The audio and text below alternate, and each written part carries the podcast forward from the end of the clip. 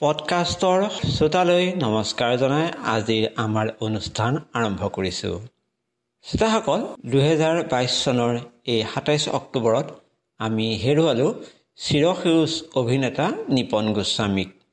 আহক আজি আমি তেখেতৰ বিষয়ে দুআষাৰ জানি লওঁ আৰু তেখেতৰ কণ্ঠস্বৰ আমি শুনো। অসমীয়া চলচ্চিত্ৰ জগতৰ চিৰসেউজ অভিনেতা নিপন গোস্বামী। তেওঁৰ জন্ম হৈছিল ঊনৈছশ বিৰাল্লিছ চনত তেজপুৰৰ কলিবাৰীত। পিতৃৰ নাম চন্দ্ৰধৰ গোস্বামী আৰু মাতৃ নিৰুপমা গোস্বামী। গোস্বামীৰ প্ৰাথমিক শিক্ষা আৰম্ভ হৈছিল তেজপুৰতে। বি এ ফাইনেল পৰীক্ষা দিয়াৰ পাছত তেওঁ কলকাতালৈ গৈ পুনেৰ ভাৰতীয় চলচ্চিত্ৰ আৰু দূৰদৰ্শন প্ৰতিষ্ঠানত প্ৰশিক্ষণ লয়। চলচ্চিত্ৰ জগতৰ স্বনামধন্য সুভাষ ঘাই শত্ৰুঘ্ন সিনহা ৰেহনা চুলতানা আদি তেওঁৰ সহপাঠী আছিল। এক সাংস্কৃতিক পৰিৱেশত ডাঙৰ হোৱা গোস্বামীয়ে সৰুৰে পৰা নাটকত অভিনয় কৰিছিল। হাইস্কুলত পঢ়ি থাকোঁতে নাটক প্ৰতিযোগিতাত অংশগ্ৰহণো কৰিছিল। তেওঁ প্ৰথম নায়ক হিচাপে আত্মপ্ৰকাশ কৰিছিল সংগ্ৰাম নামৰ বোলছবিখনত। অৱশ্যে ইয়াৰ আগতেও ঊনৈছশ সাতাৱন্ন চনত মুক্তিপ্ৰাপ্ত ছবি পিয়লি ফুকনত তেওঁ ভুমুকি মাৰিছিল। ইয়াৰ পাছত ঊনৈছশ ঊনসত্তৰ চনত মুক্তিপ্ৰাপ্ত ডক্তৰ বেজবৰুৱা ছবিত নায়কৰ চৰিত্ৰত অভিনয় কৰে। তেওঁ এশৰো অধিক বোলছবিত অভিনয় কৰিছিল। ইয়াৰ ভিতৰত আজলি নবৌ শকুন্তলা আৰু শংকৰ জোচেফ আলী ককাদেউতা নাতি আৰু হাতী জীৱন সুৰভি আদি বিশেষভাৱে উল্লেখযোগ্য। তেওঁ কেইখনমান হিন্দী চলচ্চিত্ৰতো অভিনয় কৰিছিল। নিপন গোস্বামী ভ্ৰাম্যমান থিয়েটাৰৰ লগতো জড়িত আছিল। তেওঁ বিভিন্ন সময়ত কহিনুৰ আবাহন হেঙুল আৰু শকুন্তলা থিয়েটাৰত অভিনয় কৰিছিল। গোস্বামীয়ে মুনিন বৰুৱাৰ লগত যৌথভাৱে প্ৰতিমা নামৰ বোলছবিখন পৰিচালনা কৰিছিল। দুহেজাৰ একৈশ চনত আবাহন থিয়েটাৰে তেওঁক ভৱেন্দ্ৰনাথ শইকীয়া বঁটাৰে সন্মানিত কৰে। সংস্কৃতিৰ পথাৰখন সাৰুৱা কৰি ৰখা এইগৰাকী শিল্পীৰ সাতাইছ অক্টোবৰ তাৰিখে পৰলোক প্ৰাপ্তি ঘটে। এইখিনিতে তেখেতৰ এটি সাক্ষাৎকাৰৰ এটি অংশ আগবঢ়াইছো। মই যিখন ঘৰত জন্ম লৈছিলো জন্মগ্ৰহণ কৰিছিলো সেইখন ঘৰ এটা সংস্কৃতিৰ লগত ওতঃপ্ৰোতভাৱে জড়িত আছিলে। মোৰ প্ৰয়াত পিতৃ দেউতা চন্দ্ৰধৰ গোস্বামীদেৱ এজন খুব উচ্চমানৰ শিল্পী আছিলে। তেখেতে বহুত থিয়েটাৰ কৰে চিনেমা কৰিছিল আছিলে তেনেকৈ। খুব লব্ধ প্ৰতিষ্ঠ শিল্পী। অসমত তেজপুৰত তেখেতে মঞ্চ কোঁৱৰ উপাধি দিছে পানৰগা মঞ্চৰ ফালৰ পৰা। আৰু মোৰ মা এগৰাকী তেখেতো শিল্পী আছিলে। তেখেতে নিজে গান গাইছিলে চেটাৰ বজাইছিল ভায়লিন বজাইছিল। গতিকে এই তেনেকুৱা এটা পৰিৱেশত মই ডাঙৰ হোৱাৰ কাৰণে অৱচেতন মনত মই ক'ব নোৱাৰা ক'ব নোৱাৰাকৈ এই শিল্পৰ জগতখনৰ লগত জড়িত হোৱাৰ এটা প্ৰচেষ্টা আৰম্ভ হৈছিলে। সুযোগ পালে। মই ক'ব নোৱাৰাকৈ মানে দেখি দেখি হৈ গ'ল যে ময়ো এইবিলাক কৰিব লাগে কিয় নকৰোঁ। আৰু তাতো এটা বৰ ধুনীয়া কাহিনী এটা আছে বৰ ধুনীয়া কথা কিছুমান আছে যিবিলাক কথা মনত পৰিলে মোৰ নিজৰ এতিয়া হাঁহি উঠে। তাৰমানে মই আমাৰ আমাৰ সময়ত মই যেতিয়া জন্ম ল'ম মই আমাৰ পাঁচ বছৰ বয়স নোহোৱালৈকে আমাৰ স্কুলত নাম ভৰ্তি কৰিব নিদিছিলে। হয় সেইটো এটা কথা গতিকে পাঁচ বছৰ হোৱাৰ পিছত মোক নাম ভৰ্তি কৰিবলৈ দিলে আমাৰ ঘৰৰ ওচৰতে কলিবাৰী নিম্ন বুনিয়াদী প্ৰাইমেৰী স্কুলত। হয়। তাত ভৰ্তি কৰাৰ পিছত মই যে প্ৰথম দ্বিতীয় তৃতীয় শ্ৰেণী পালোঁ তেতিয়া মোৰ লগৰ বন্ধুসকলে ক'লে যে আমি সকলোৱে মিলি এখন নাটক কৰোৱা। গতিকে আমাৰ এই অঞ্চলত ইমানখিনি মানুহ আছে। ফণী শৰ্মা বিষ্ণু গোগাদেৱ বিষ্ণু প্ৰসাদ ৰাভা তোৰ দেউতা চন্দ্ৰধৰ গোস্বামী ইমান ডাঙৰ ডাঙৰ মানুহ ইফালে পদ্মনাথ গোহাঁই বৰুৱা এইখিনি মানুহ আছে তেখেতক ইমান সংস্কৃতিৰ লগত জড়িত। গতিকে আমি সকলোৱে মিলি এখন নাটক কৰোৱা আমি সকলোৱে হয় ভৰ দিলোঁ। হয় ভৰ দিয়াৰ পিছত তেখেতসকলে নাটক আমাৰ বন্ধুসকলে নাটক নিৰ্বাচন কৰিলে লাচিত বৰফুকন। লাচিত বৰফুকন নিৰ্বাচন কৰাৰ লগে লগে সকলোৱে ক'লে যে লাচিতৰ ৰোলটো তই কৰিব তাৰমানে মোক কৰিবলৈ ক'লে। কাৰণ হ'ল কি মই এজন ভাল শিল্পীৰ ল'ৰা গতিকে মই সেইটো কৰিব পাৰিম। আগতে পিয়লি ফুকনত কৰিছিলোঁ বহুত ফিফটি ছেভেনত সৰু।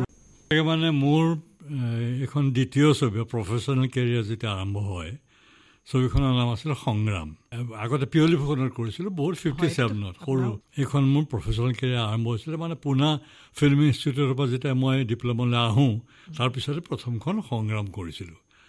সংগ্ৰামত এটা গীত আছিলে যিটো গীত মোৰ এতিয়াও মোৰ অন্তৰত বাজি থাকে সেই গীতটি আমাৰ বৰগীত মধুৰ মূৰতি ইমান সুন্দৰ।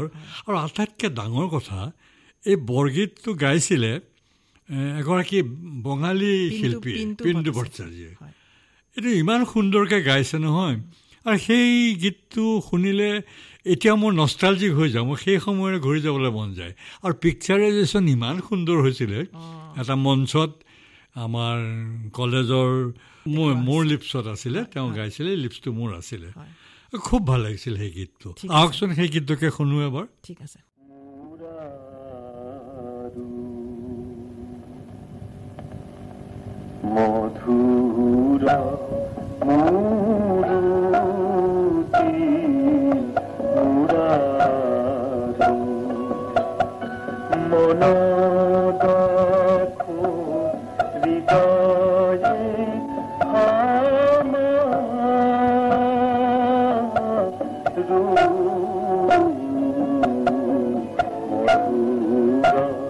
তাৰপিছত মোৰ দ্বিতীয়খন ছবি।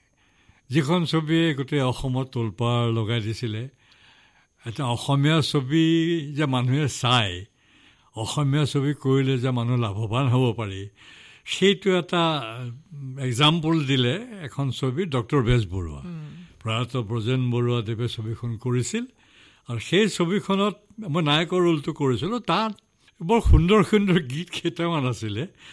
আৰু এই কেইটামান গীত এই যে অ মইনা কোন বিধাতাই সাজিলে খুবেই জনপ্ৰিয় সাংঘাতিক জনপ্ৰিয় আৰু মোৰ ভাল লাগিছিল এইকাৰণে যে চহৰৰ ল'ৰা এজন গাঁৱলৈ গৈছে।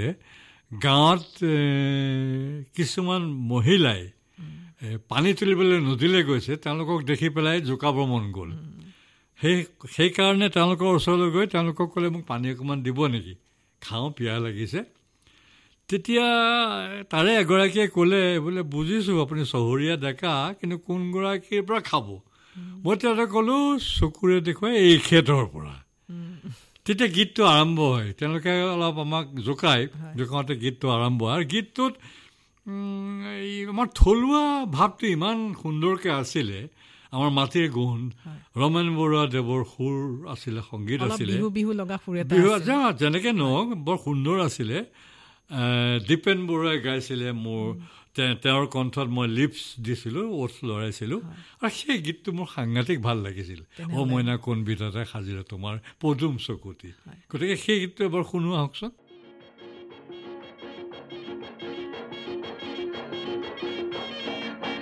মইনা কোন বিধাতাই সাজিলে তোমাৰ পদুম চকুটি চমক নীলা বিজুলীৰে গোলাপ কোমল পাহিতি এই চমকৰ ভমক লাগি দহি মৰে মন্ত্ৰী মইনা কোন বিধাতাই সাজিলে তোমাৰ পদুম চকুটি মইনা কোন বিধাতাই সাজিলে তোমাৰ পদুম চকুটি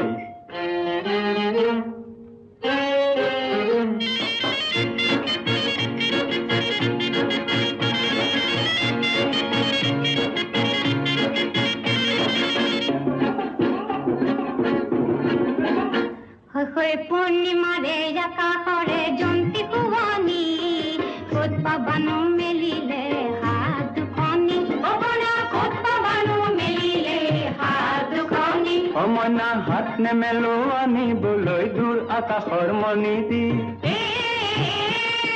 হাত নেমেলো আনিবলৈ দূৰ আকাশৰ মণিতি মোৰ মন হাকুতি লগাই পাৰিম সেই পূৰ্ণিমাৰ জন্তি মইনা। কোন বিধাতাই সাজিলে তোমাৰ পদুম চকুতি মইনা? কোন বিধাতাই সাজিলে তোমাৰ পদুম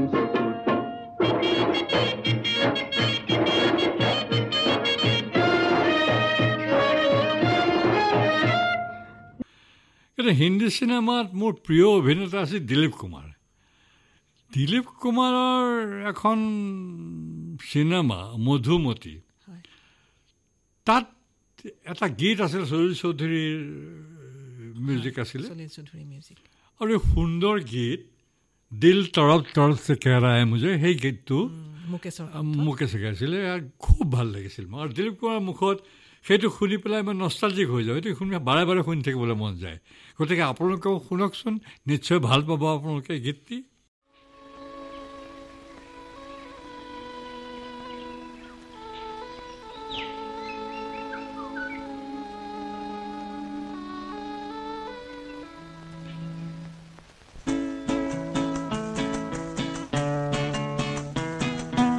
तड़प तड़प के कह रहा है आ भी जा तू हमसे आँख ना चुरा, तुझे कसम है आ भी जा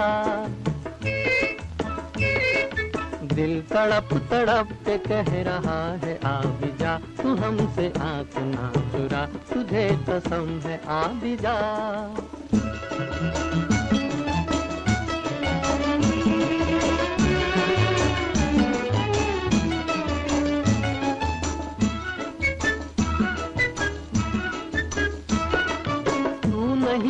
ये बहार क्या बहार है गुल नहीं खिले तो तेरा इंतजार है तू नहीं तो ये बहार क्या बहार है गुल नहीं खिले के तेरा इंतजार है के तेरा इंतजार है के तेरा इंतजार है আপোনালোক সকলোলৈকে সকলো শ্ৰোতালৈকে মোৰ নমস্কাৰ জনাইছোঁ আৰু ভৱিষ্যতেও লগ পোৱাৰ আশাৰে আপোনাৰ পৰা বিদায় লৈছোঁ ধন্যবাদ শ্ৰোতাসকল আজিৰ খণ্ডত আপোনালোকক নিপন গোস্বামীৰ বিষয়ে কিছু কথা অৱগত কৰা হ'ল লগতে তেখেতৰ কণ্ঠস্বৰ আপোনালোকলৈ আগবঢ়োৱা হ'ল।